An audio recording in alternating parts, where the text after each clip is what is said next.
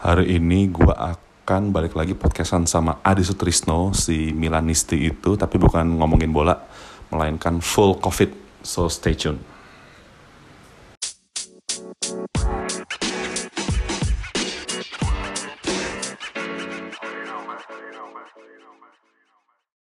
Halo, Yuk, nah, Wis. baru nih. itu kenapa tadi? Nggak tahu, gue kayaknya harus login login dulu. Eh, gue tadi update dulu login, terus baru. Up, up, update di ini di Apple eh, apa Apple Store, di App Store. Ah, iya. Oh, Nggak tahu karena update, nggak tahu karena ini, nggak tahu karena lo belum login. Iya, karena gue log karena gue login lagi. Gue nggak tahu tadi Oke. pakai apaan. Gimana bro? Sehat, sehat, alhamdulillah. Sehat nggak bro? Ya, alhamdulillah. Lo pasti lagi keliaran lah. Ah, keliaran. Maksudnya? Lo pasti lagi keliaran kan lo, lagi berkumpul sama orang-orang kan. Benar lo. No comment gue. Gue baru pulang kan tadi, lihat tuh tadi di sto- story gue. Habis Hah? sto- di story gue baru pulang gue Baru pulang dari mana? Bali. Terus ah story lu baru pulang. Enggak kan di dekat rumah gue ada pelataran ya kan, pelataran Cilandak gitu. Gue gara-gara storynya si Darto. Jadi kan dia rumahnya dekat sini juga kan. Jadi ya eh, katanya gue Ah, gue habis sepedahan nih jauh ke Ubud. Eh, eh taunya dia fotonya di pelataran Cilandak terus apa stat, eh, locationnya pelataran Canggu Bali. Kesel banget. Gue ikutin aja tadi. Gue oh, manasin mobil, Panas gue kira itu apa? gue manasin mobil, terus lewatin situ gue foto ya kan. Sampai juga ya app-nya pelataran Canggu Bali.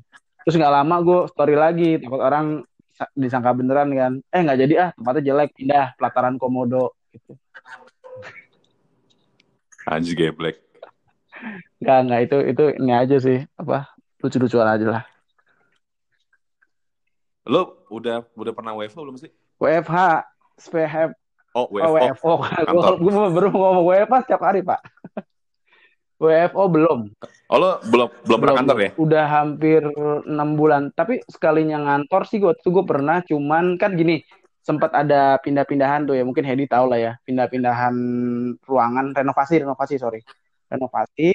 Nah Hmm. terus ada satu ketika tuh waktu bulan puasa kita disuruh mindahin barang dari eh sorry nge- eh, barang. Kalau pindahannya sih dari udah di setting sama umum ya. Jadi kita mindahin nyeting Ah. meja kita sendiri. Nah itu pun gue ngambil abis taraweh malam. Jadi di saat orang-orang pada, jadi kan kita jadwalnya misalkan hari Senin nih, jadwalnya hari Senin. Nah Ah. tapi di hari Senin itu gue nggak mau siang atau sore, karena potensi ketemu orang kan. Jadi gue dengan Hmm. nekatnya jam 8 atau jam 9 malam gue ke kantor sendirian. Untuk cuma Udah kayak medan perang ya kantor ya? ya gimana bro, kondisinya begini.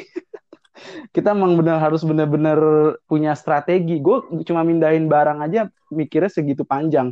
Gue harus pakai apa, gue harus gimana, gue harus jam berapa, kapan. Itu gue harus pikir harus ada strategi yang gue siapin gitu.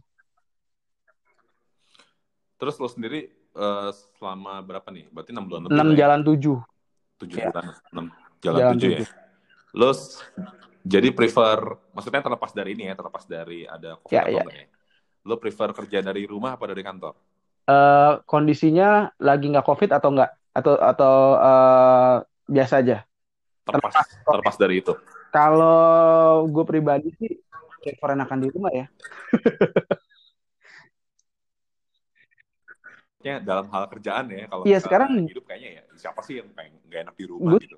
Tapi kalau dari kerjaan sendiri, lo enak kerjain enak di rumah. So far alhamdulillah gue di rumah infrastruktur mendukung gitu kan. Internet ada, laptop juga memang laptop kantor gitu kan dan memang alhamdulillah selama ini koneksi stabil gitu. Nggak nggak perlu istilahnya eh, harus habisan kuota atau apa ya alhamdulillah lah pokoknya gitu.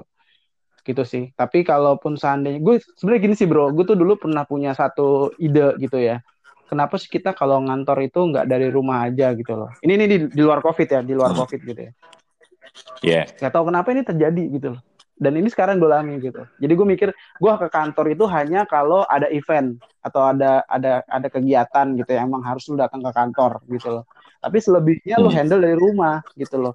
Meeting online video conference segala macam. Jadi semuanya itu memang benar-benar remote lu mau dari rumah lu mau dari tempat mana pun lu bisa ngerjain. Bahkan handphone pun gue bikin senyaman mungkin untuk uh, dukung kerjaan gue sehari-hari. Handphone gadget nanti laptop tablet atau apa pun lah gitu. Gitu sih. Terus uh, lo kan juga handle Ya. event-event bro. Itu so far ini nggak? Maksudnya uh, lancar-lancar aja atau ada alhamdulillah kendala? lancar. Alhamdulillah lancar. Kalau kendala sih mungkin di awal-awal ya karena kan kita harus penyesuaian nih gitu kan. Terutama kan gue juga kalau kalau gue sih kebetulan gue handle-nya lebih ke wartawan ya karena kan gue uh, di media gitu ya media relasi kecuali yang Hmm. unit sebelah gitu ya unit komunikasi memang harus tentu datang ke kantor karena memang ada yang half uh, virtual ada yang full virtual gitu kan tapi kalau gue pribadi alhamdulillah di awal mungkin ada sedikit kendala tapi begitu udah dikasih uh, apa namanya term and conditionnya gitu ya ke teman-teman wartawan alhamdulillah mereka bisa menyesuaikan sih intinya gitu. Lo pas waktu kayak maksudnya ngajuin atau kepikiran ide wah kayaknya harus WFH nih gitu bla bla bla nah sekarang pas lo alamin sama kayak yang lo ini nggak? Kayak lo kayak yang lo bayangin nggak uh, positif negatifnya? Persis persis persis. Jadi ya gue bisa kerja tetap uh, ngerjain apa yang gue sesuai dengan KPI sesuai dengan target gue sesuai dengan fokus kerja. Dan gue sih lebih lebih pengen apa ya? Gue tuh tipikalnya kerjaan tuntas gitu kan. Tapi gue kerja ini ya udah gue mau pakai celana pendek kayak gue mau pakai uh, apa pun lah ya gue nyaman gitu ya gue bisa kerja gitu. Ini sih kayak gitu. Jadi sudah apa yang gue bayangkan apa atau yang gue uh, apa namanya uh, andaikan pada saat itu tuh terjadi ya persis kayak begini gitu loh. Gitu. Oke.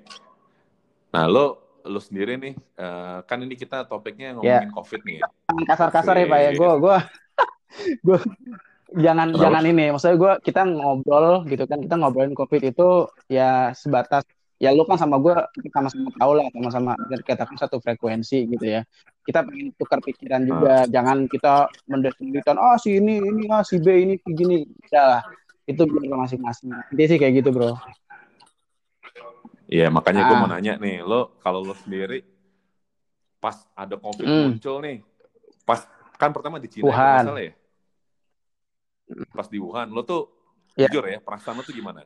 Ada dengar berita itu? eh gue pertama kali denger dan jadi concern gue itu mulai awal Februari ya.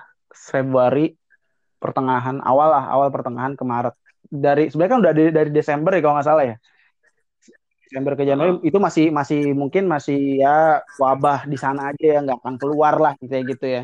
Tapi gue mengikuti berita di Februari ini udah mulai agak-agak khawatir beberapa negara udah mulai siapan lockdown bahkan kalau nggak salah Vietnam ya Vietnam itu udah mulai lockdown gitu itu udah mulai ada concern ke arah sana lah intinya gitu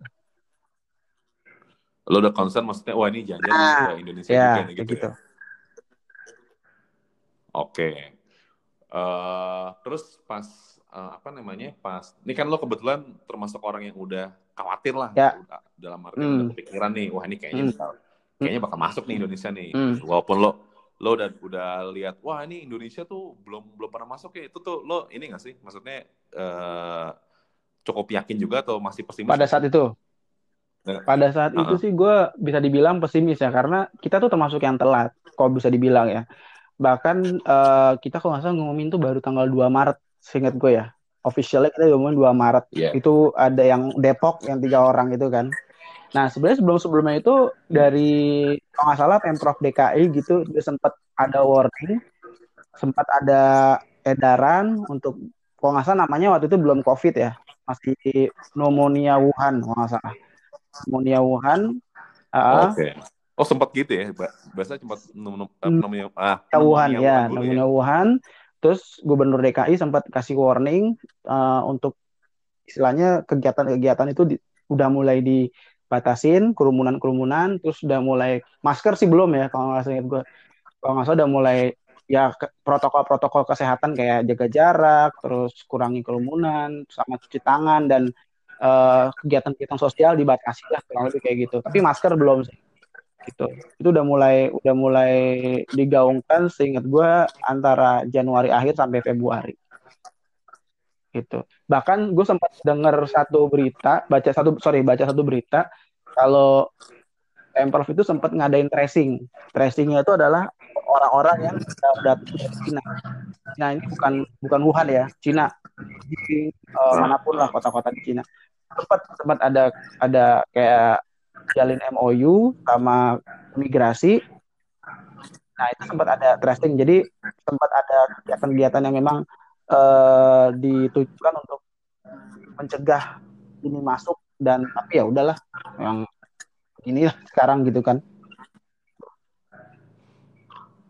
gue dulu soalnya termasuk orang yang pertama hmm. gue heran sih ini kenapa maksudnya bukan ngarep ya hmm. tapi mikir ini kenapa di di negara-negara lain pada kena gitu hmm. pada rame dan kita enggak makanya ya, kan ya, ya, ya. wah corona ya wah, nasi wah, kucing wah. terus gue sih jujur ya hmm. maksudnya jujur uh, di satu sisi ya gue kata ya, ya. juga sama sama sama ya tapi di sisi lain masa sih nggak nggak ada, preventif gitu kan Indonesia kayak uh, iya nggak ada pre nah ini ini ah. beda nih bro gue waktu itu lebih mikir kayak masa sih Indonesia nggak kena? Sesimpel uh, that. Jadi kayak gue gue bayangin gue bayanginnya uh, Indonesia mungkin ada yang kena tapi nggak akan ya, parah ya, ya. atau nggak di blow up atau nggak di blow up. gue sempat mikir gitu bro. Udah ada yang dap udah atau udah ada ya? yang masuk cuman kita bisa dikatakan telat atau nggak di blow up. Akhirnya mau nggak mau ya udah kita munculin 2 Maret. Dan yang ngumumin saat itu adalah Presiden Jokowi kan gitu. Dampingin sama Menkes hmm. gitu Nah, pas Jokowi mm. ngumumin itu kan wow, heboh langsung, tuh kayak orang-orang belanja pa panik panik apa? Panik buying, panik buying. Ya. Panik buying. Nah, pas panik buying pun gua itu uh, apa namanya? Gua gua bukan termasuk orang yang bener sama sama Pak, sama Pak. Ya. Tetap belanja sih, tapi lebih ke belanja bulanan mm. uh, apa namanya? Paling nah ini uh, apa namanya si Heidi kan beli masker oh. banyak banget gue ketawain coy eh tadi lu ngapain sih beli masker banyak-banyak? Orang gini apa namanya? Tapi Hedi ya orang apa namanya? Ya iya. gini doang lah. Maksudnya istilahnya iya, iya, gak, iya, akan iya. terlalu gini-gini. Uh. udah pokoknya ikutin aja. Ya udah okay. gue ikutin aja kan. Gue beli masker banyak sambil tapi itu harga ini, harga masih normal ya. Harga masih masih masih belum harga masih belum normal. belum gila ya. Belum melonjak kan. Belum belum parah lah harganya gitu kan. Ya. belum belum. Masih uh. normal banget. Tapi gue gue kan termasuk orang yang aduh ya, ya, ya, beli, ya. beli beli gini? Buat apa buat apa sih, gitu, gitu terus kan. akhirnya hmm, uh, buat apa? Cuma ternyata pak nggak lama setelah kita beli hmm. itu langsung pada ini kan masker iya iya. banget, uh, masker vitamin C apa tuh uh, tolak angin sempat mahal.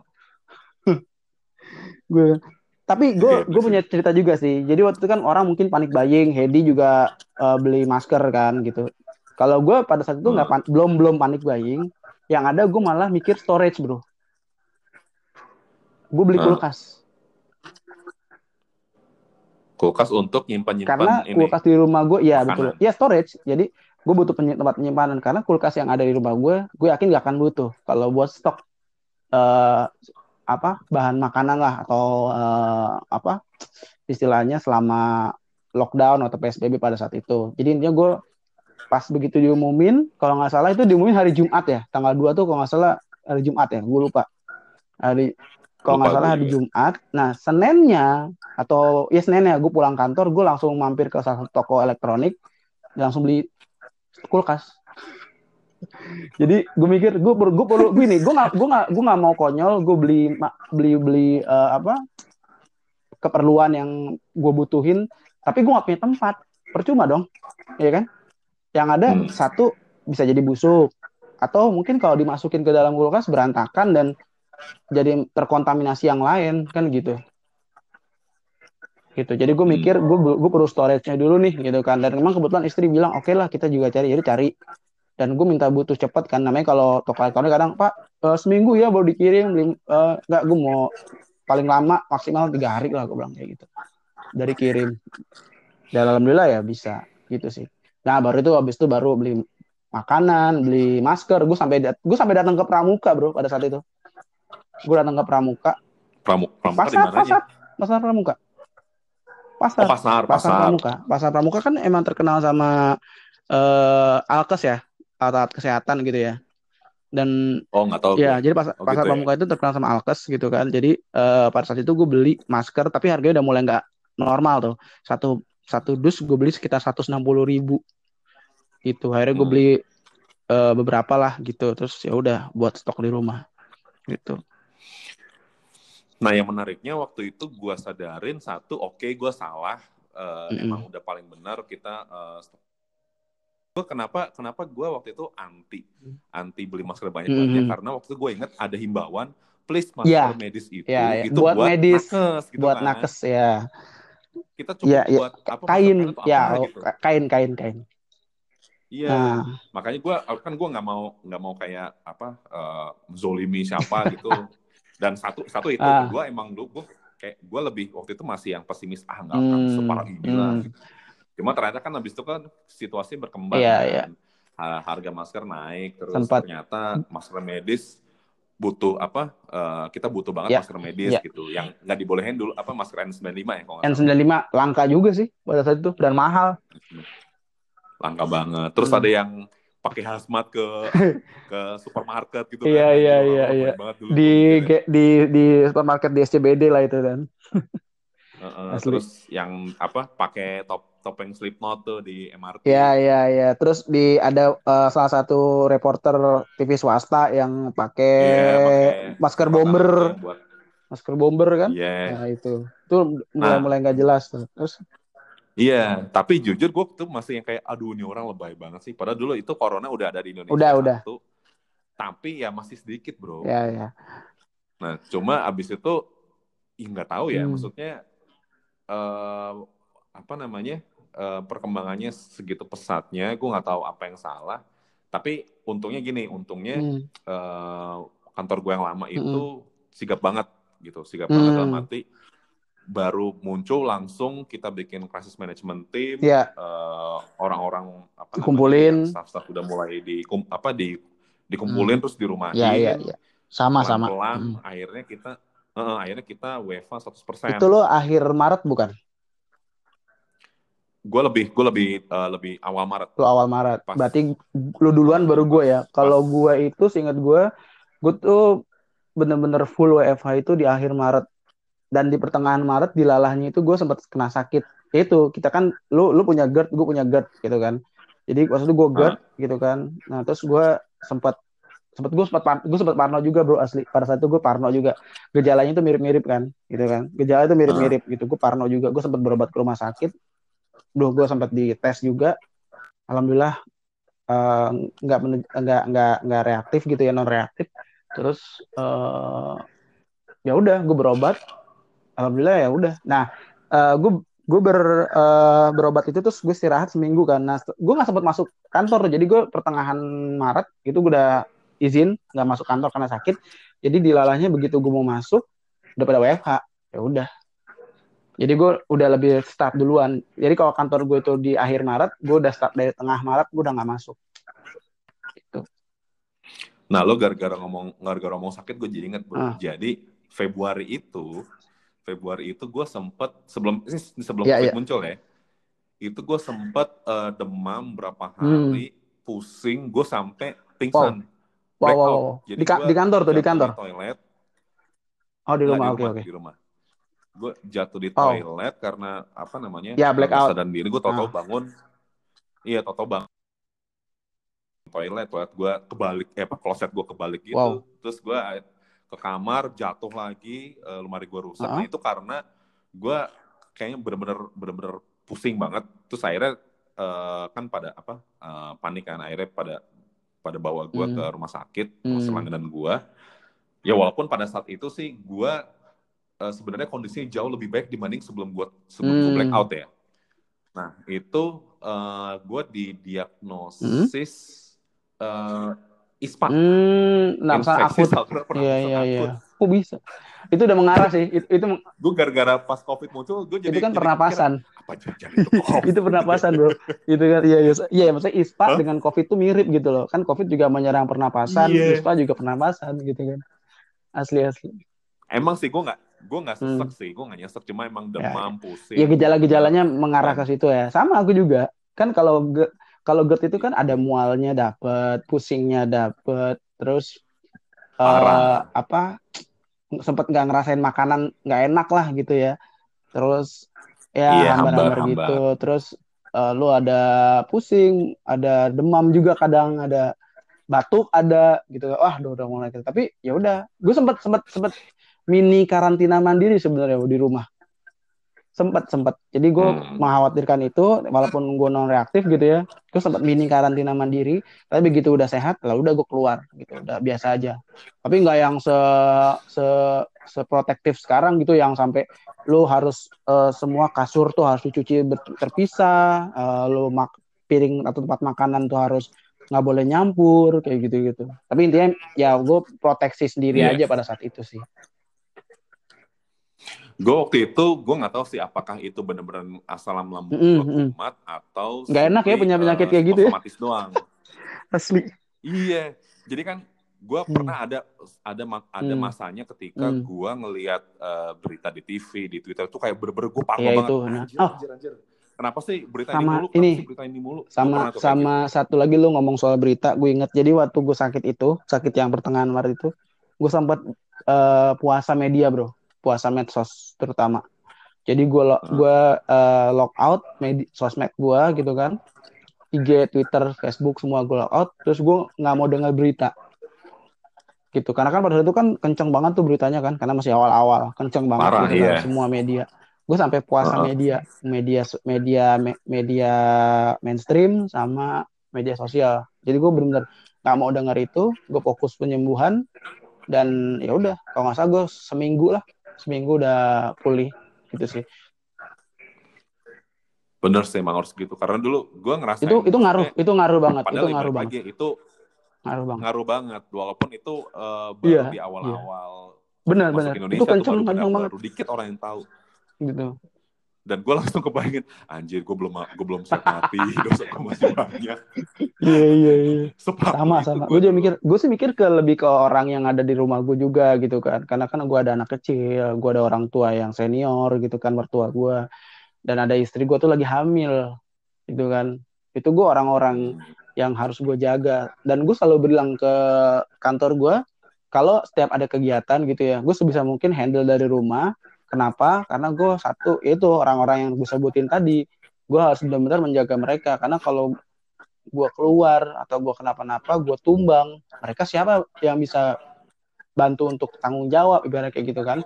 Gue selalu mengedepankan itu gitu. Dan alhamdulillah kantor bisa ngerti gitu. Jadi waktu gue selesai sembuh, gue sempat mau masuk tuh. Jadi belum belum belum WFH banget. Jadi masih rolling rolling gitu loh bro. Misalkan eh, si A seminggu Hmm. nanti gantian gue gitu kan. Baru habis itu full WFH. Nah gue sempat dikategorikan untuk masuk kantor. Cuman gue ngobrol sama atasan gue dan ya udah oke lu stay di rumah aja. Yang penting bisa support dari rumah. Gue bilang gue ada internet, gue ada laptop, gue ada perangkat-perangkat yang insya Allah memadai lah intinya gitu. Gitu. Iya, iya. Banyak sih emang yang yang berubah. Cuma gue waktu itu eh, mulai apa ya? Kalau kata kalau kata Jokowi berdamai dengan COVID itu dalam tanda kutip itu ketika gue mulai masuk kantor, Iya iya. Kantor baru, kantor lama nih. Masuk kantor, Kantor baru. kantor baru, Oke.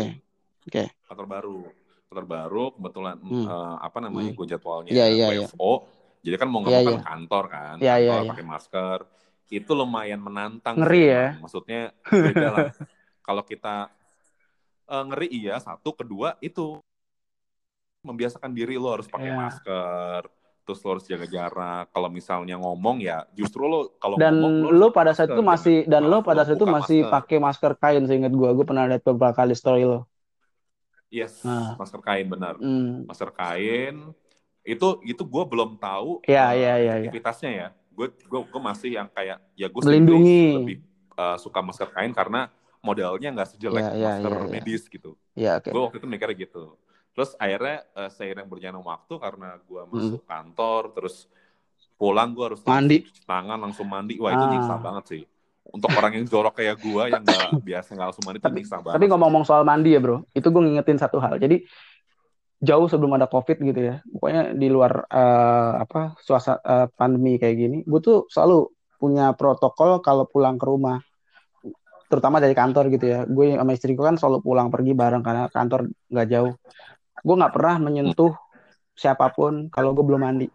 Jadi gue bener-bener mandi dulu. Kita sih terutama gue istri gue mandi dulu baru kita berani deketin anak ketua pokoknya baru berbaur lah. Hmm. itu tuh sebelum covid. Walaupun jadi gue punya ya? punya punya kebiasaan kayak gitu. Kita punya kebiasaan kayak gitu. Jadi setelah covid begini ya udah kita nggak jadi nggak jadi aneh lagi gitu.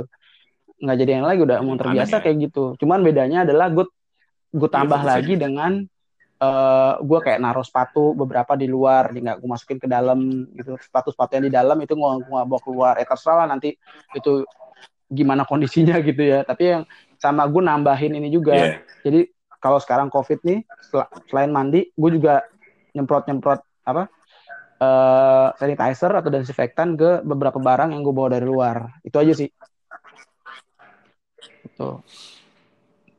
Iya. Gue uh, apa namanya karena nggak hmm. ter, gak terbiasa jadi jadi penyesuaian gitu ya stres banget iya kalau si Hedi kan emang dia orangnya bersihan gitu kalau gue wajar lah cowok gitu cuci tangan aja males gue iya terus uh. ya udah mau nggak mau kan karena kayak gini keluar dikit mandi yeah, yeah. jadi mandi, mandi besar terus belum lagi kalau misalnya iya mandi besar gitu kan Kenapa? kan ibaratnya Iya kan keramas. Kalau dulu kan gue gue gue mungkin lu kalau mandi ya mandi aja biasa. Sekarang gue wajib kalau mandi kalau di luar wajib harus pakai keramas. Kalau lu kayak pulang ke rumah gitu dari mana ya udah mandi mandi aja biasa gitu kan. Enggak harus pakai keramas gitu. Iya. Yeah. Udah gitu kan yeah. masuk puasa kan, masuk puasa. Puasa juga menantang banget kan, nggak bisa bukber tapi macem, tapi awet dong ya kan. awet. awet. Bisa investasi dong. Awet. Bisa bisa investasi dong. Kenapa? Investasi. Itu ya apa-apa itu. Jadi ada ada hikmah di balik pandemi kalau menurut gue. Jadi ada beberapa ada beberapa Anjir. hal. Jadi sebenarnya gini, gue sih ngeliat pandemi ini sebenarnya nggak melulu serem ya gitu. Gue bukan yang membelain nggak ngebelain pandeminya, tapi semua kalau kita lihat dari sisi positif tuh masih banyak banget hal-hal yang ya bisa kita syukuri lah gitu ya. Eh, contohnya uang lebih banyak yang idle, kita bisa investasi atau mungkin kita nabung atau apa pun. Terus kita jadi dari yeah. segi teknologi percepatan banget gak sih? Kayak di boosternya tuh luar biasa, jeder langsung semuanya based on teknologi dan kita jadi lebih aware sama diri kita sendiri. Itu sih tiga hal yang menurut gue yang jadi poin penting di tengah COVID ini. Iya yeah, benar. Jadi uh, emang apa namanya terlepas dari hmm. wabahnya gitu kan dampaknya kan betul, kita harus adaptasi. Betul, betul. Untungnya, untungnya kayak misalnya apa pakai webinar webinaran, untungnya gue itu udah lumayan Sama. biasa bro. Jadi gue nggak terlalu nggak terlalu shock gimana gimana. Jadi gue nggak bisa ngerasain tuh uh, culture shock yang orang harus uh. adjust karena ya apa namanya gue nggak nggak inilah maksudnya nggak kaget di situ gitu. Ya. gitu jadi ya nggak kaget jadi gue lebih respect sama orang-orang yang kayak guru-guru gitu orang-orang yang biasanya eh, nggak uh, pakai internet tuh sekarang. Ya, ya, mau nggak ya. mau belajar pakai internet. Karena gue yakin iya, tuh nggak gampang, gampang buat mereka yang kurang memahami teknologi ya. Katakanlah gaptek gitu ya.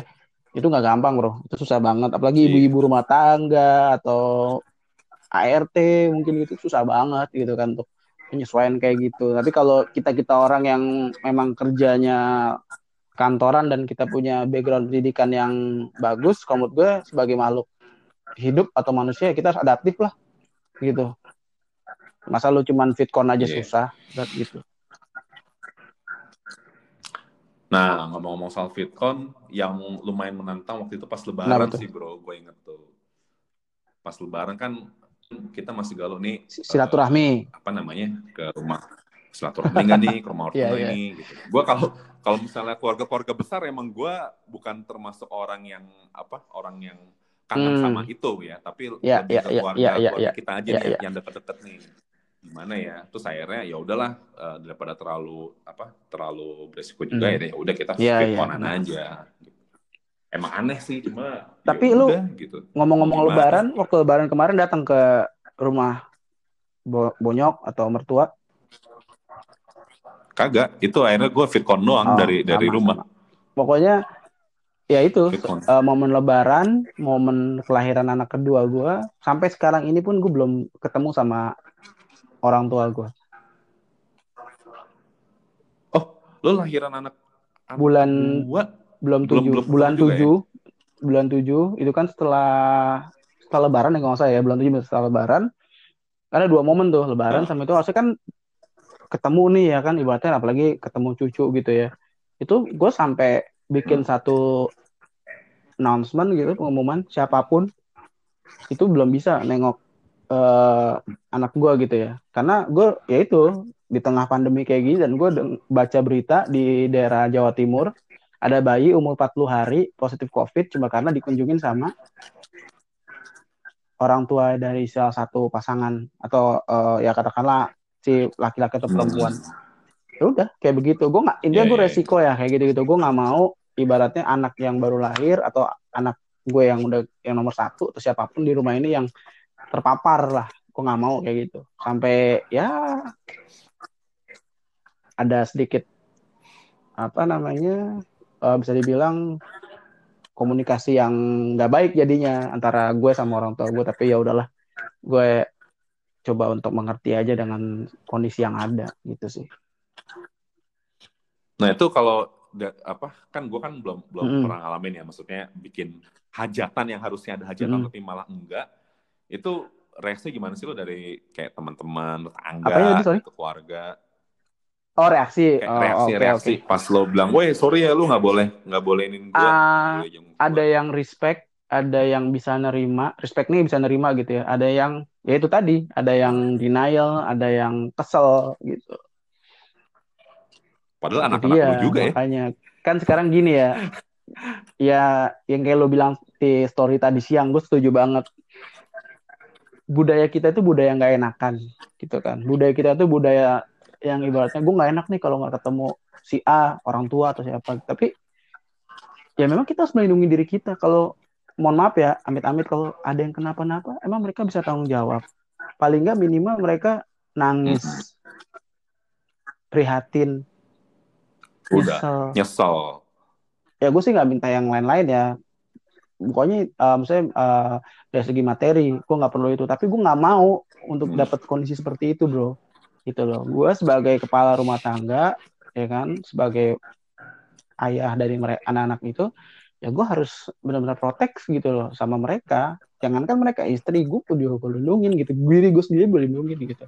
Gue nggak peduli deh apa yang terjadi.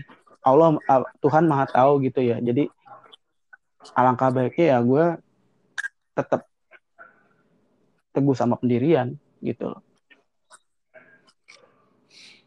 Ya itu apa namanya? Lumayan Wah, PR bro. sih. Maksudnya untuk punya punya apa ya punya komit bukan komitmen apa istilahnya tuh Konsep- ya pendirian lah bahwa Iya, ini gua komitmen.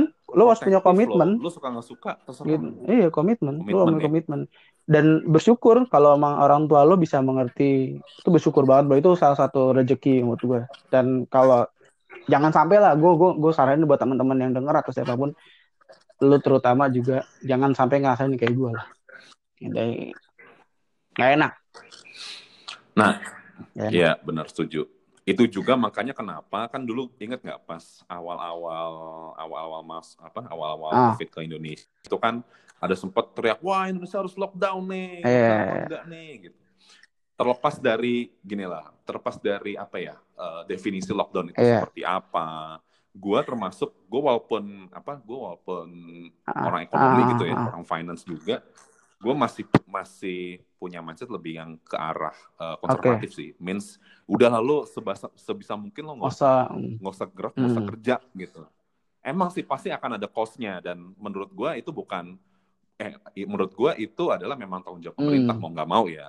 Terpas dari terpas dari apakah mereka mampu apa enggak ya itu belakangan. Yang penting eh, orang nyawanya aman Jadi dulu lo- nih. Gitu. jadi lo Toh, kesehatan misalnya nomor satu gitu ya Misalnya lo uh, gue Nyawa, kesehatan oke. nyawa sih. oke ekonomi bisa nyawa. balik nyawa nggak bisa balik gitu Bukan kan masalah kesehatan doang soal nyawa.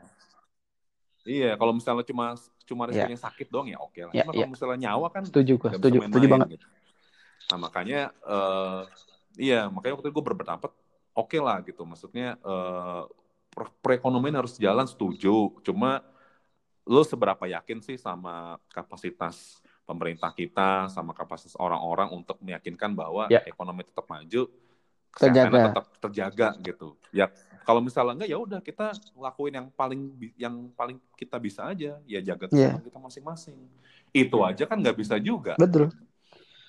Ya sebenarnya sih Gue balik lagi gue setuju sih sama yang lo bilang tadi ya. Eh dari gimana pun nyawa itu nggak bisa balik, tapi kalau menurut bisa pulih. Kalau menurut gue gitu ya, simpelnya gitu. iya emang emang Nggak emang gampang, nggak segampang gampang. kalimat itu tapi ya tapi tetap emang harus di di apa namanya di Betul, betul, prioritasin betul. ya itu dulu gitu.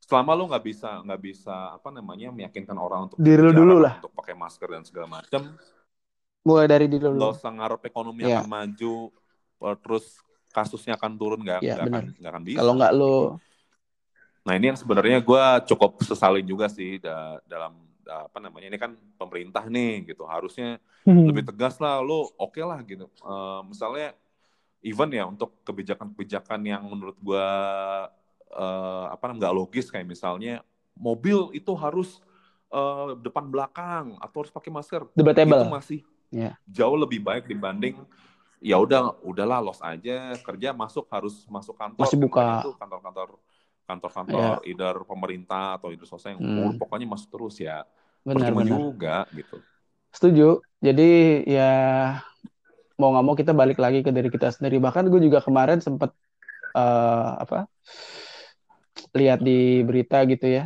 eh, agak ini juga sih, agak miris juga ya. Dan pemerintah juga ibaratnya nggak bisa menjaga komunikasi di antar antara apa istilahnya pejabat-pejabatnya lah gitu ya. Dari yang mulai pusat sampai daerah provinsi gitu ya levelnya itu udah beda gitu kan. Bahkan update terakhir gue main dengar di dari kawal covid19.id data per dua hari aja kemarin nggak sinkron bro itu ya yang apa namanya data pemerintah sama data ya, swasta jadi lah si kawal COVID ini dia dapat data dari eh, per dia jadi punya timnya sendiri untuk ngitung. Dia ngambil database-nya dari tiap daerah, tiap provinsi, dihitung. Itu nggak sinkron dengan data dari pemerintah atau dari Kemenkes. Dari situ aja gue udah mulai agak ya gimana ya? Dari ya kalau dirunut ke belakang lagi kebijakan-kebijakan terus eh kayak nggak ada nahkoda yang menuntun ke depan gitu atau menuntun kita harus begini begini begini. Jadi punya punya pakem masing-masing gitu. Itu sangat miris sih kalau menurut gue agak gue sayangin agak gue sayangkan juga gitu loh. Di- Hmm. ya kalau di luar masalah eh, pemerintah harus lebih cepet atau lebih cekatan segala macem ya gue sih bisa apalah gitu loh. Gue lebih baik balik lagi ke diri gue sendiri dan kalau mau pemerintah seperti itu ya ya udah gitu loh. Gue juga nggak bisa berbuat banyak ibarat gitu sebagai warga negara gitu. Iya gue juga Udah, yakin nggak- akan ya gampang kita sih nggak nggak tahu lah masalah yang terjadi apa gitu ya. Entah eh, kita ada yang bilang duitnya nggak ada atau segala macam sampai proyek ibu kota baru di, ditunda dulu segala macam ya gue sih gue nggak tahu lah ya itu itu urusan pemerintah dan mereka yang lebih paham dan gue nggak mau terlalu banyak komentar di situ lah. Intinya balik lagi ini sebenarnya penyakit bersama virus bersama gimana kita cara nanggulanginnya ya dari diri kita sendiri lah kalau menurut gue pribadi sih gitu Nah, sebenarnya kan awalnya itu sebenarnya gue paling paling berharap eh, apa namanya proporsinya pemerintah itu, itu lebih ke yang mulihin Hmm. ekonomi, bro. Dalam arti, oke nih, ini kan gue gua gua pro Hmm. lockdown lah dalam tanda Hmm. kutip lah gitu. Tolong dong yang yang apa namanya yang dirugikan eh, perut-perutnya itu di Iya, dikasih iya, iya, bantuan lah sama pemerintah gitu bla bla bla bla. Cuma eh, apa akhir-akhir ini gue lihat ya jangankan untuk yang masalah ekonomi, yang masalah kesehatan aja masih banyak yang Iya. yang loss gitu. Maksudnya ngasih ngasih contohnya Iya, juga nggak nggak bagus gitu.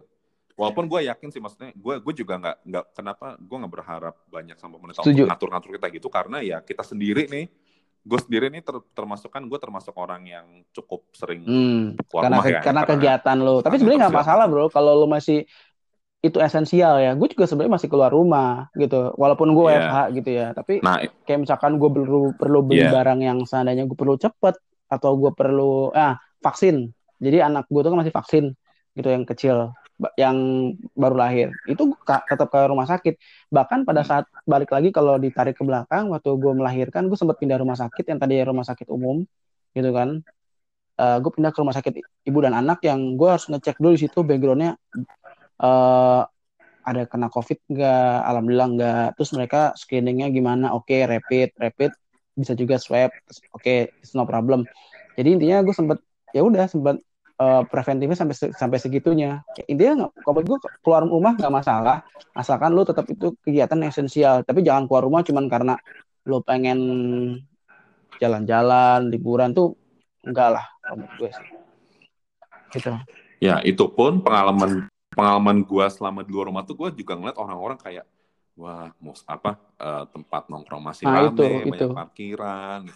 Nah itu kan maksudnya bukan ya pemerintah juga nggak akan bisa kontrol Enggak lah, itu, mik itu. mikro banget, Harus itu mikro banget sendiri, gitu. Kan? kayak kayak sekarang ya contohnya sendiri. penekanannya untuk di Jakarta aja deh kita ngeliat ya. Kan gue stay di Jakarta gitu ya. Mungkin lo di Bekasi juga sama. Ada kayak denda-denda untuk yang nggak patuh atau hmm. abai sama protokol gitu ya. Menurut gue sih nggak tahu ya. Itu ada ya mungkin ada ada segi jerahnya buat yang memang kena atau untuk bayar denda gitu ya. Tapi kalau yang ada opsi untuk kerja sosial kalau menurut gue sih itu kurang kurang apa ya kurang kurang nendang gitu loh kurang kurang bikin jerak gitu loh makanya tetap hmm. aja mereka tetap keluar tetap nggak pakai masker tetap kumpul tetap ada kerumunan gitu loh jadi ya memang menurut gue sih harus harus diketatin ya kayak sekarang gitu.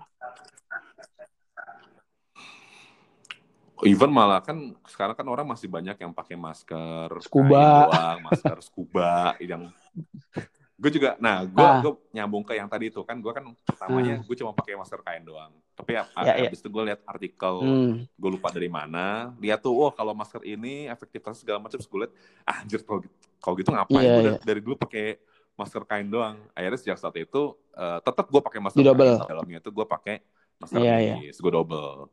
Dan surprisingly, gue nggak tahu kenapa ya, gue lebih PW pakai masker itu kalau masker double. Lebih Do nyaman Ini double double kain enggak. sama surgical apa kain-kain? Oh, kain sama, sama surgical. Gue juga, gue uh, berapa bulan ini terakhir gitu ya, berapa bulan terakhir, uh, gue udah mulai sekarang kalau keluar rumah udah membiasakan pakai surgical dan kain. Dan itu lebih nyaman sih menurut gue bro gitu. Walaupun walaupun yeah, ya nyaman, walaupun eh. emang ngap sih pasti ya. Apa uh, pernafasan agak berat gitu ya. tapi kalau menurut gue tuh nyaman. Gue nggak tahu kenapa. Jadi lebih apa ya lebih nyaman lah gitu loh. Lebih lebih lebih enak aja nah, gitu loh. Lebih safe gitu. Nah kalau gue kalau gue entah kenapa nggak jadi lebih nggak oh, ngap gitu. bro. Entah kenapa. Mungkin sugesti hmm. sugesti doang. Itu makanya gue kalau gue sih gue lebih Emang ngerasa lebih itu, safety gitu. gitu loh. Kan kan kalau gue pakai kacamata ya gitu ya. Dan gue nggak perlu pakai apa tuh face shield gitu ya. Gue nggak gue salah satu orang yang nggak terlalu nyaman pakai face shield jujur aja gitu. Jadi gue lebih suka pakai masker yeah, double gitu terus kacamata sama mungkin pakai topi. Kadang gue suka pakai topi. Ini jadi udah kayak stranger banget tuh. Pakai topi pakai masker gitu kan. Tapi ya udahlah gitu proteksi gue sih. Gitu ya gitu Nah, yang gue sesalin juga itu ngomong soal masker, itu kan gue kalau misalnya apa namanya nonton TV, nonton YouTube kan masih banyak tuh orang-orang yang, wah ini siarannya kan di TV. masih di bukan bukan siaran yeah, setahun yeah, yeah. yang lalu gitu. orang cuek-cuek aja. Taruhlah maksudnya gue gue mikirnya gini, oke okay lah hmm. taruhlah misalnya mereka-mereka itu yang ngomong nggak pakai masker terus muncul di TV, itu udah udah swab berkali-kali dan positif. Tapi kan tetap aja mereka kan Itulah, kan contoh bro. gitu loh. Orang ngelihat orang sama. awam ngelihat itu kan kayak oh Ker apa keresahan lu sama sama gue gitu loh. Jadi nggak usah di YouTube deh. IG story. Itu yang paling gampang yang sering lo lihat. Lu mungkin follow beberapa orang-orang public figure katakanlah influencer gitu ya atau baik dalam maupun luar negeri. Hmm. yang kadang gue sayang banget. Ya oke okay lah mereka dari sisi yang mampu gitu ya. Mungkin bisa swab dalam dua minggu sekali bisa swab gitu ya. Tapi itu kan nggak lo liatin bro gitu. Itu kan nggak nggak nggak jadi cerminan gitu. Lu kan ngomong nih ngomong-ngomong kayak kita sekarang nih direkam lagi kan pakai story atau live IG atau YouTube gitu ya. Itu kan lu lihat orang gitu ya. Nah tuh hmm. si si A nggak pakai masker. Si ini nggak pakai masker kok tadi ketemu.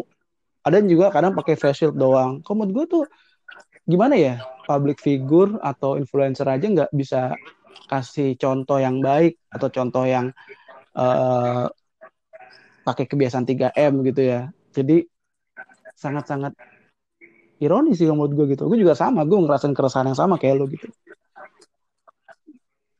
Iya gue juga nggak ngerti kenapa. Paham, kan gue juga maksudnya gue gue kan kan itu ini kita ngomong uh, apa ya apa uh, ya, ya, masalah ya. syuting gitu hmm, misalnya kan tif-tif kan syuting kan gue juga hmm, ngalamin itu hmm. juga kok pertama-tama gue syuting pakai masker oh iya nih Hmm. ada masalah teknis nih tapi pas uh, gue cari-cari nggak ada ini juga maksudnya nggak nggak terlalu masalah juga Enggak kok, suara lo enggak. masih kedengaran jelas Agak mendem. paling mungkin paling mungkin uh, orang-orang uh, ngelihat kita ya pakai masker gitu jadi mungkin lebih nggak Iya. menarik Mungkin nggak mungkin pakai masker tapi ya mungkin orang-orang ya orang-orang broadcast juga. lebih paham lah ya gitu. Gue juga nggak bisa terlalu ngejudge gimana gimana. Tapi menurut gue sih ya ini kan kondisi lagi pandemi gitu ya.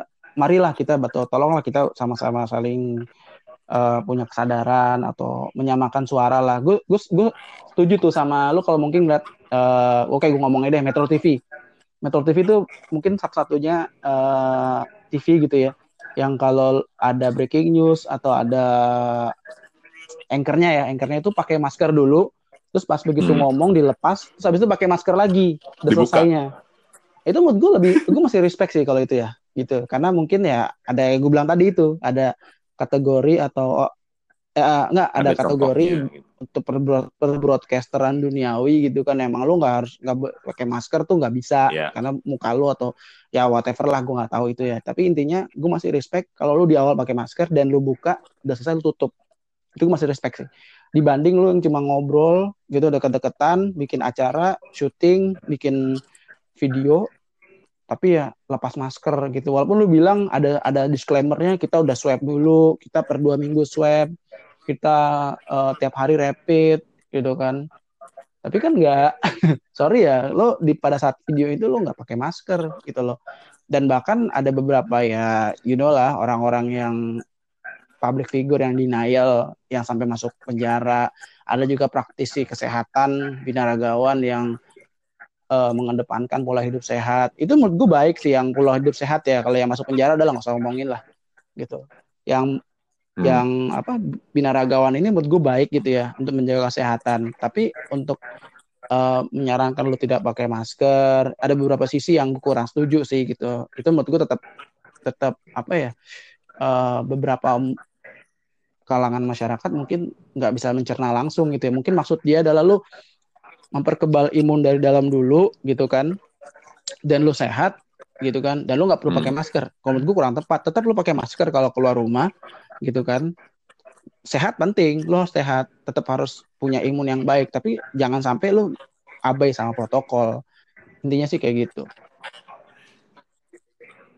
Iya, soalnya kalau kita pikirin COVID ini kenapa sih bisa nyebar? Kan Ya, sebenarnya lewat itu doang tuh gitu. Lewat nah, droplets. Cairan. Nggak akan nyebar kalau iya misalnya kalau lu nggak nggak ada nggak ada apa ya screen eh bukan screening pelindungan gitu pelindungan dari ini mulut gitu kan. Kalau lo bersin atau lo ngomong lah gitu kan ngomong depan-depanan itu kan bisa spread droplet atau cairan atau apa pun lah itu kan bisa nyebar.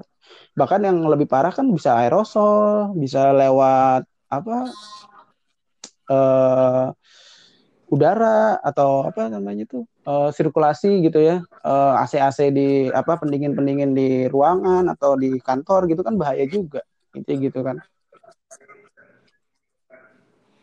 Nah itu gue juga ngeri tuh. Kan dulu gue kira cuma kayak droplet sama aerosol doang. Cuma ternyata pas akhir-akhir Iya. ini banyak kasus juga yang sirkulasi ya, ya sirkulasi sirkulasi AC. bener yang di Korea kan tuh Itu bahaya kan banget jadi itu. is- Mm. iya, itu kan istilahnya berarti selama kita di ruangan itu kita nggak boleh buka masker pun untuk setuju buka masker bahkan yang sebenarnya. kasus di Korea itu yang di eh, coffee shop kan empat orang nggak kena kan karena dia tetap pakai masker pegawainya ya pegawai tetap pakai masker Iya. itu itu sebenarnya Heeh. pelajaran sih gue juga semen- se- selama ini kalau pakai masker gue nggak pernah gue copot gitu ya kecuali makan minum itu pun juga cepat langsung gue tutup lagi gitu dan gue nggak eh, mungkin oke lah awal-awal gue sempat gue turunin ke dagu gitu ya tapi begitu dapat ada imbauan atau ada arahan untuk jangan karena kalau diturunin ke dagu itu kan terkontaminasi ya.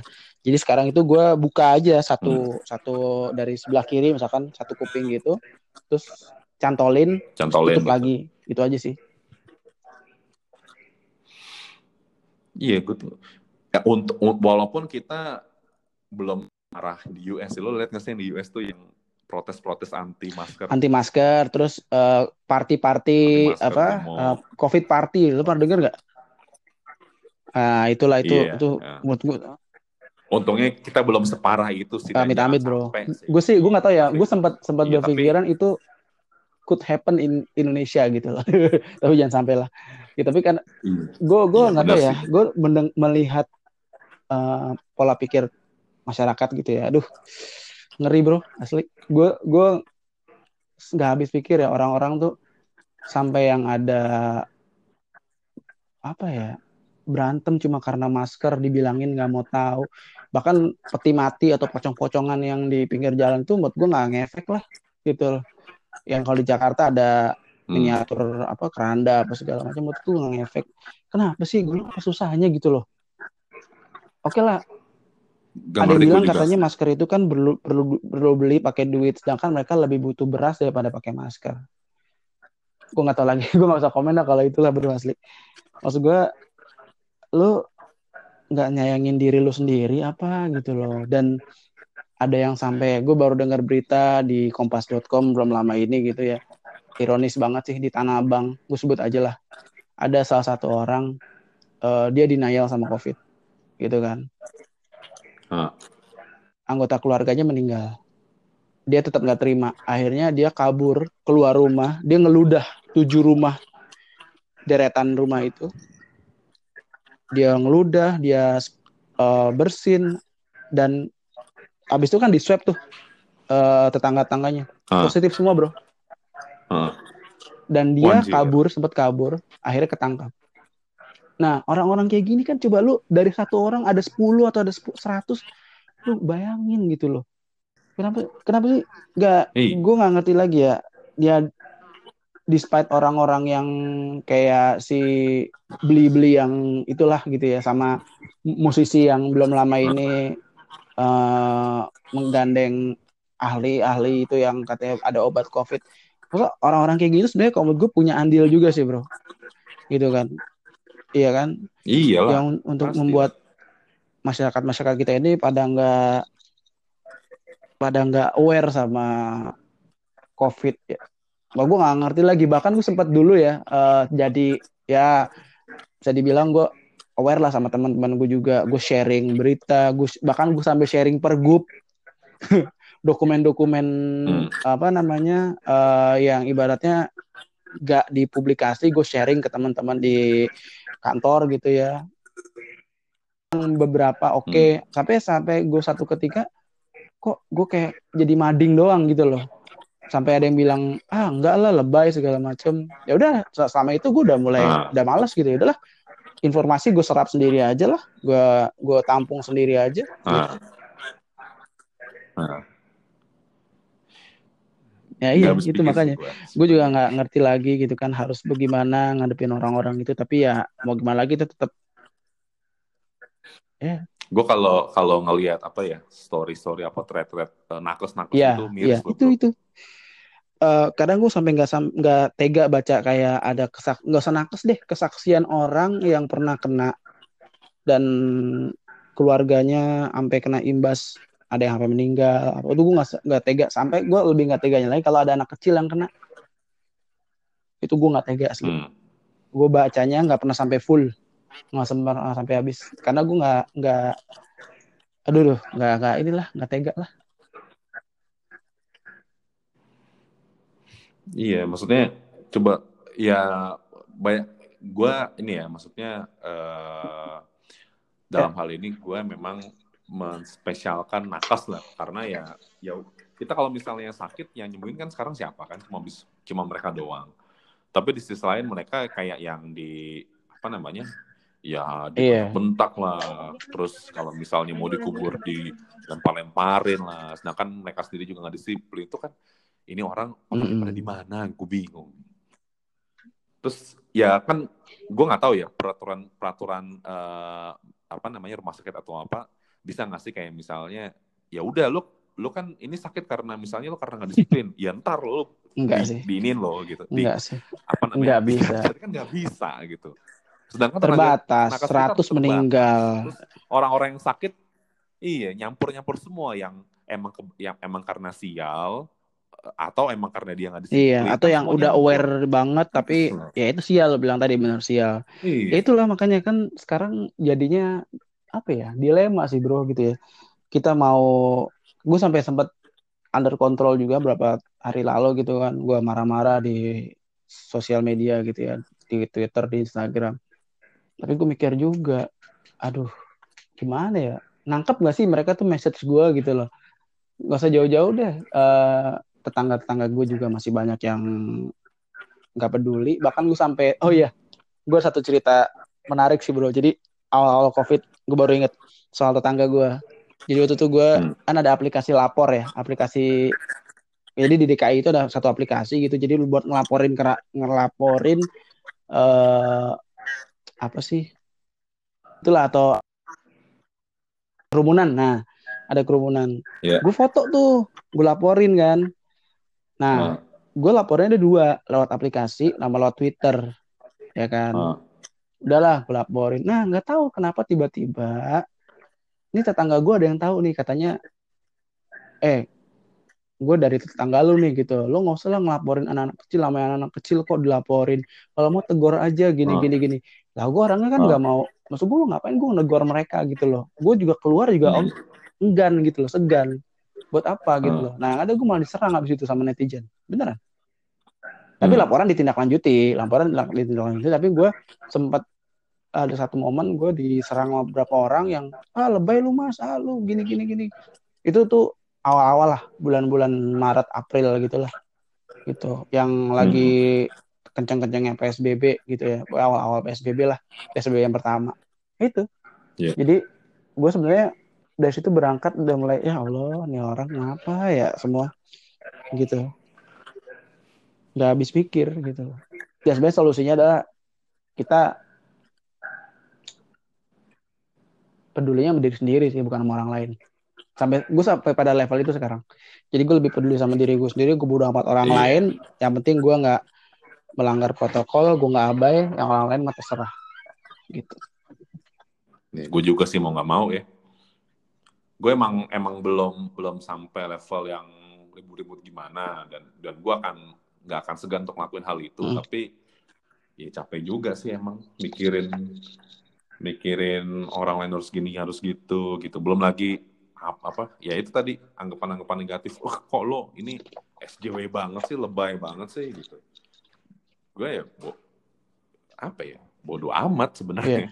Cuma ya once once apa namanya eh, mereka kena, misalnya amit-amit gue kena kan, siapa yang mau tanggung jawab? iya Siapa yang mau nyesel kan nggak bisa juga. ya balik balik ke yang kita cerita di awal tadi ya kita sekarang siapa sih yang mau kena gitu? Siapa sih yang mau eh, sampai terpapar gitu ya? Dan kalau kita terpapar atau kita kena emang orang lain peduli. Sampai sesimpel itu sih menurut gue jadi lebih baik kita sekarang dari diri kita dulu jaga gitu kan. Sir- kalau gue sih punya punya prinsip gini bro. Circle zero gue dulu dah gue jagain gitu loh. Ya kan Hmm. orang-orang rumah yang tinggal serumah sama gue tuh gue jagain dulu gitu kan. Gue support yang memang perlu diadain gitu ya. Hand sanitizer sabun de- desinfektan apa pun masker gue gue sediain dan gue kasih mereka. Dan alhamdulillahnya orang rumah gue ini semuanya bisa dibilang ngerti lah paham taat gitu ya sama sampai ART gue juga paham. Dia nggak sampai pulang ke rumah loh eh pulang kampung loh Hmm. ART gue mau sampai pulang kampung. Dan itu gue respect banget gitu kan. Dan dia juga bisa kerjasama dengan baik gitu. Semuanya ya itulah menurut gue prinsip gue lah circle zero dulu jagain. Setelah itu udah bisa jagain diri kita. Jangan sampai ketemu sama orang-orang yang denial tadi. Terlebihnya yang lain terserah lah. Udah capek buang-buang energi doang Iya, gitu. ya per- sekarang oke lah kalau lo mau jadi SJW SJW atau party popper yang lo lagi apa weekend atau lagi long weekend lo posting hal-hal yang dari data-data tentang terkait covid ya terserah. Tapi kalau menurut gue gue udah pada saat ini gue udah pada tahap masa bodoh dan ya udahlah itu masing-masing gitu loh. Mau lo kayak gimana bodoh amat. Gue tetap posting soal hal-hal yang lain aja lah di sosial media gitu loh. Percuma habis mereka juga yang ada malah gue gimana ya gue terakhir sempat di apa istilahnya bukan gue sih istri gue diinin sama orang kantornya dicibir lah ibarat gitu ya. Eh, kayak gitu gitulah banyak banget bro. Jangan sampai bilang ah lu jangan ngelihat uh, dari satu sisi gitu. Loh lihat juga sisi dari dari sisi yang lain begini begini begini. Ah, udahlah. Capek. Gitu kayak gitu udah, udah paling bener hmm. fokus sama diri sendiri. Lah gue bikin bikin mikir itu lebih karena lihat datanya bro. Pasti kan pasti. apa, ngeri sih. Dan datanya mengkhawatirkan gitu. Kan Puncak Sydney Sydney Morning Herald waktu itu kan pernah bilang Indonesia itu bakal jadi potensi epicenter kan? Gitu. Hmm. nah tadi siang gue baca di CNN ID Ikatan Dokter Indonesia itu udah mulai khawatir hmm. Berapa bulan kemudian. Ini mau pilkada juga kan? Mau pilkada. Wah itu game juga tuh. Pilkada Indonesia, Indonesia bakalan cepat atau lambat jadi epicentrum di Asia, bukan ASEAN loh, di Asia. Jadi udah berpindah bukan ke bukan di Cina lagi tapi di Indonesia. Gitu. Iya itu ada ada dua kan yang dikhawatirin. Satu uh, makin banyaknya korban yang yang tadi lo bilang epicentrum kedua ya yang sekarang aja ya pemerintah apa sih gitu loh Lu khawatirnya di situ aja sih gue. Iya. Bener. Kalau kayak misalnya kayak Korea, even China gitu yang awal-awal mungkin pertama tinggi. Terus kan mereka kan sigap ngapa-ngapain juga ya terlepas dari mungkin masyarakatnya juga kooperatif tapi mereka tahu apa yang harus dilakukan tracing tracing segala macam mm. akhirnya pulih lagi. Itu kan masih orang masih kita masih mikirnya oh ya yang penting ada yang bisa diandelin lah. Lah kalau sekarang nggak, bisa. Gini bro. Gak kita nggak bisa uh, bandingin penanganan di sini di Indonesia sama di China gitu ya.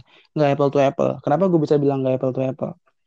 Oke mereka punya protokol. Mereka punya protokol sendiri. Dan mereka pakai teknologi bro kan Cina kalau di China itu kan Google nggak masuk ya. Jadi mereka semua pakai aplikasi yang basisnya lokal. Jadi di sana gue baca di salah satu di aduh gue lupa medianya. Pokoknya gue baca dari satu berita. Di sana itu sampai tracing atau ibaratnya uh, pencirian orang-orang itu pakai gadget. Jadi kalau misalkan gadget lo merah, lo nggak boleh keluar. Gadget lo kuning, uh, lo masih boleh keluar tapi terbatas. Gadget lo hijau, lo udah free. Kayak gitulah kurang lebih. Jadi mereka udah pakai iya. sistem. Yeah. Gitu. Jadi makanya kenapa gue bilang nggak apple to apple, beda. Kita pola komunikasi aja berantakan dari mulai atas sampai bawah, yeah. ya kan? lu mau bandingin sama China oke okay, China kemarin uh, Wuhan gitu ya party-party udah mulai uh, dibuka lah diskotik bioskop ya karena mereka merasa mereka satu nakasnya cukup ya kan uh, komunikasi bagus protokol iya pakai teknologi pula itu terjadi nggak di Indonesia gue tanya belum ada teknologi itu kalung corona itu teknologi? Enggak bukan. Uh, jadi di, mereka sambil merancang satu aplikasi. Kalau kita kan aplikasinya cuma data nih, ya kan? Cuma cuma cuma data dan yeah. Dan kalau menurut gue kayak yang sorry to say ya, sorry to say nih, yang kawal bukan kawal covid, apa sih itu? Hmm, gue lupa gue punya aplikasinya nih. Um, bentar bentar. Uh, ya peduli, sih yang kayak peduli lindungi, peduli lindungi, ya peduli lindungi itu menurut gue nggak yeah. nggak update dan bukan bukan yang mirip dengan yang Cina punya kalau Cina punya itu sampai lu lu level lu ditandai ditandai ya nah oke okay, ditandai hmm. lu layak atau tidaknya keluar rumahnya itu dari satu gadget yeah. bukan kalau kita kan kebalikan ya kalau kita tuh kita nggak boleh ke wilayah ini tahu dari gadget tapi datanya itu bahkan yeah. kadang nggak sinkron dari yang peduli lindungi dengan yang aplikasi BLC uh, ban, uh, bantu lawan corona gitu ya satu lagi Kalau di Cina enggak, lu nggak boleh keluar rumah kalau gadget lu masih mana masih warna merah. Hmm. Masih masih masih alert gitu. Lu nggak bisa keluar. Jadi udah udah ditandain sama aplikasi yang mereka create. Itu beda kalau menurut gue, Bro. Makanya gue bilang nggak bisa apple to apple. Iya. Pusing, Bro, kalau mikirin mikirin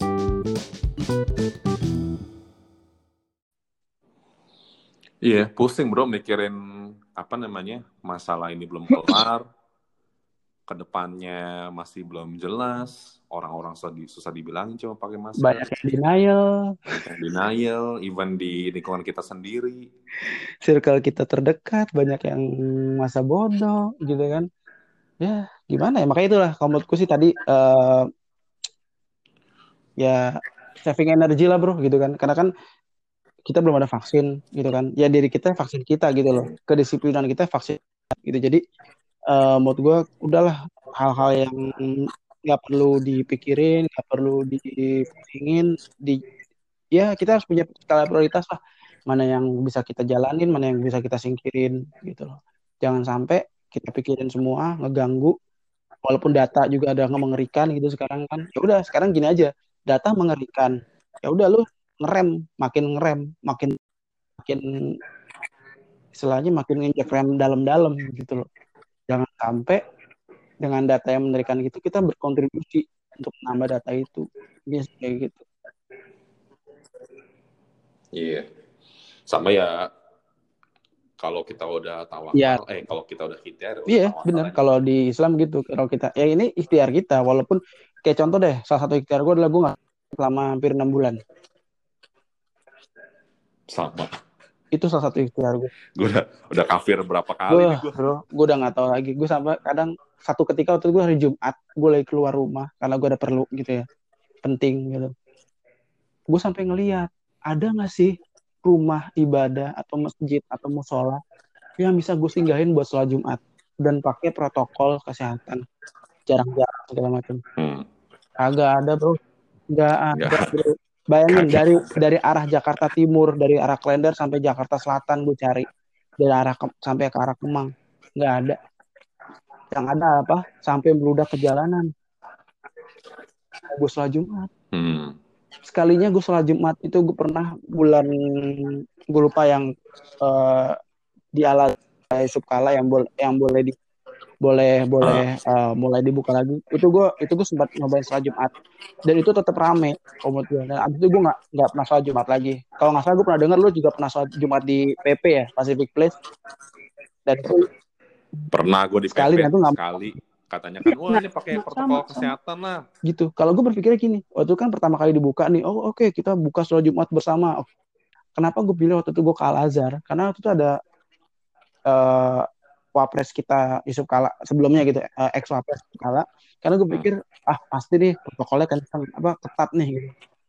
Ada hmm. sekelas hmm. wapres dan ada Prof. Jimli Prof. Jimli Asidki uh, mantan ketua MK yang jadi ketua Dewan Apter lah gitu, hmm. ah pasti ketat nih gitu kan. Eh faktanya mana diliput lagi banyak wartawan. Aduh. Gue cuma bisa deg-degan doang udah setelah itu gue nanti nggak lagi maaf ya. Terhitung katakanlah bisa enam lima enam bulan lah berapa hitungan hmm. kafir gitu. Tapi alhamdulillah gini kan isinya Islam ini kan agama yang untuk kebaikan semua ya rahmatan alamin gitu. Mau satu hmm. istilahnya uh, dalil gitu yang alhamdulillah sampai jadiin pegangan buat sholat Jumat. Menghindari kerumunan ibadah yang mendatangkan gitu intinya intinya gini intinya dari dalil itu adalah kita lebih baik mendapatkan mudorot dan mendekatkan kemaslahatan gitu. Jadi ibaratnya kebaikan buat kita dideketin yang nggak baik dijauhin. Itu itu insya Allah Allah akan lebih meridhoi perjuangan kita yang itu jadi kita menjaga orang-orang berikhtiar untuk uh, kan kita tahu nih kita kan punya akal nih gitu ya. Lo ngelihat tuh ada kerumunan ya kan? Hmm. dan kalau ada kerumunan itu berpotensi hmm. menular atau terpapar gitu ya. Lalu pikir lu sebagai orang punya pikiran kan harusnya tahu gitu ya. Lu sadar gitu. Walaupun memang ibadah itu penting. Tapi kan baik lagi punya ikhtiar kita punya akal pola pikir yang harus kita jaga. Apalagi orang-orang sekitar kita nih masih membutuhkan kita gitu loh jangan sampai kita buta buta buta agama yang ibaratnya malah menjuruskan kita ke hal-hal yang udara tadi gue bilang iya benar sih gitu. ya paling itu bro yang bisa kita Iya. lakuin ya gue cuma berharap ya pokoknya apa eh, semoga orang-orang sekitar gue tuh Betul, amin. kena, gitu terutama orang Dan, tua sih bro orang tua kita. Walaupun kita ya lu, lu, lu orang tua lu paham lah gitu ya mertua lu paham. Kalau gue kan sebaliknya gitu ya. Lebih sebenarnya lebih sayang mereka gitu loh. Apalagi mereka kan orang hanya bukan muda lagi di atas 45 kan di atas 45 itu harus dijaga benar-benar ya gitu kan. Ya sebenarnya itu salah satu bentuk, bentuk apa ya rasa rasa rasa prihatin dengan yang gue sebagai anak gitu tapi mereka mau salah kan ya terserah gitu tapi intinya itu yang bisa kita lakukan gitu gitu, gitu. Iya. Yap. Oke bro, semoga lo sama keluarga juga. sehat-sehat semua. Lu sama Terus- istri sama Edi sama yang lain Amin, gitu amin. orang tua apa adik-adik lu Hedi juga adiknya gitu eh adiknya Hedi nggak pakai adik gitu Hmm. Dan semoga rakyat-rakyat makin sadar, pemerintah makin PR eh, keras lagi amin. kerjanya. dan sekarang sih kayaknya kalau menurut gue sih udah mulai siuman ya kan tadi bilang eh, pemerintahan sekarang udah mulai siuman gitu kan. Ya mudah-mudahan bener lah gitu ya. Jangan sampai kita amit-amit gitu ya. Jadi beneran jadi epicenter gitu ya. Terutama sih gue berharap banget nih pilkada nih. Event pilkada gitu ya. Itu kalau bisa ya gitu Hmm. loh. Jangan sampai Nah itu gue juga nggak nggak ngerti lah tuh gimana gue nggak udah nyerah lah gue bahkan pikir sampai ada yang bilang boleh konser loh di pilkada konser out Gerak. gue gue nggak ngerti Ozar lagi. wah gila sih gue nggak tahu lagi jadi nggak Padahal udah udah udah banyak calon yang kena Udah. juga kan itu. eh, paslonnya udah banyak 60 70-an. kalau nggak salah ya. angkanya 70-an 70-an 70-an ya. Aduh. paslon bahkan ketua KPU-nya kena ya kan Iya. itu itu menurut gue komisioner komisionernya kena ya maksud gue itu lu berkaca lah sama hal kayak gitu. Oke namanya demokrasi kosnya mahal gitu ya. Tapi ini kan lagi pandemi tolonglah gitu. Maksudnya oh nggak usah ada kubu-kubu 01, 02 itu udah nggak penting juga gitu loh. Sekarang udah udah kita bareng-bareng lah sama-sama ngeberantas ini. Karena kalau nggak dari kita ya atau nggak dari kebersamaan ya mau gimana mau siapa lagi gitu. Iya benar. gitu siap. Oke bro, thank you sama-sama bro. gue juga sharingnya. sama. Gue tuh seneng sih dapat waktu Semoga- kayak gini eh bisa sharing sama orang yang sepreku yang gue bisa bilang sefrekuensi dengan gue gitu loh. Malah sebenarnya gue gue ngobrol-ngobrol sama orang-orang yang nggak sefrekuensi intinya sih kayak gitu. Senang gue kayak gini punya waktu kayak gini. Gue yang thank you bro. Sama-sama bro. Ya semoga sih podcast ini kalau kalaupun ada yang denger ya berguna lah gitu. Yang yang nggak satu frekuensi sama kita. Gue sih nggak tahu ya. Gue cukup yakin frekuensi kita adalah di jalur yang tepat ya. Emang oh tepat tepat jalur kita tepat tepat, tepat gitu. nggak gue untuk, sih untuk preventif kita mudah-mudahan gitu dengan ada yang denger eh, obrolan kita nih jadi tersadarkan gitu loh walaupun ya kita balik kita Ya. serahin baik lagi kita nggak bisa mengubah orang kita nggak bisa membuat orang untuk mengikuti kata-kata kita tapi dengan kita menyampaikan maksud dan tujuan kita itu sebenarnya udah cukup bro semua itu kehendak yang di atas Hmm. semua itu kuasa yang di atas kita nggak punya andil untuk mengubah orang jadi kita menyampaikan aja udah alhamdulillah sebenarnya gitu setuju gue. Sip. sama-sama bro Thank you banget bro. Sampai jumpa di Siap. podcast kita selanjutnya. Kapan kita ngomongin Oh, bola lagi nih? udah mu- eh Serie A mau mulai nih eh udah mulai ya Juventus menang ya by the way Saya emang. Lah, Hah, Pak? emang udah mulai? udah Belum. Ah, belum. lawan. Sampdoria bukannya udah bentar bentar bentar gue tadi lihat berita soalnya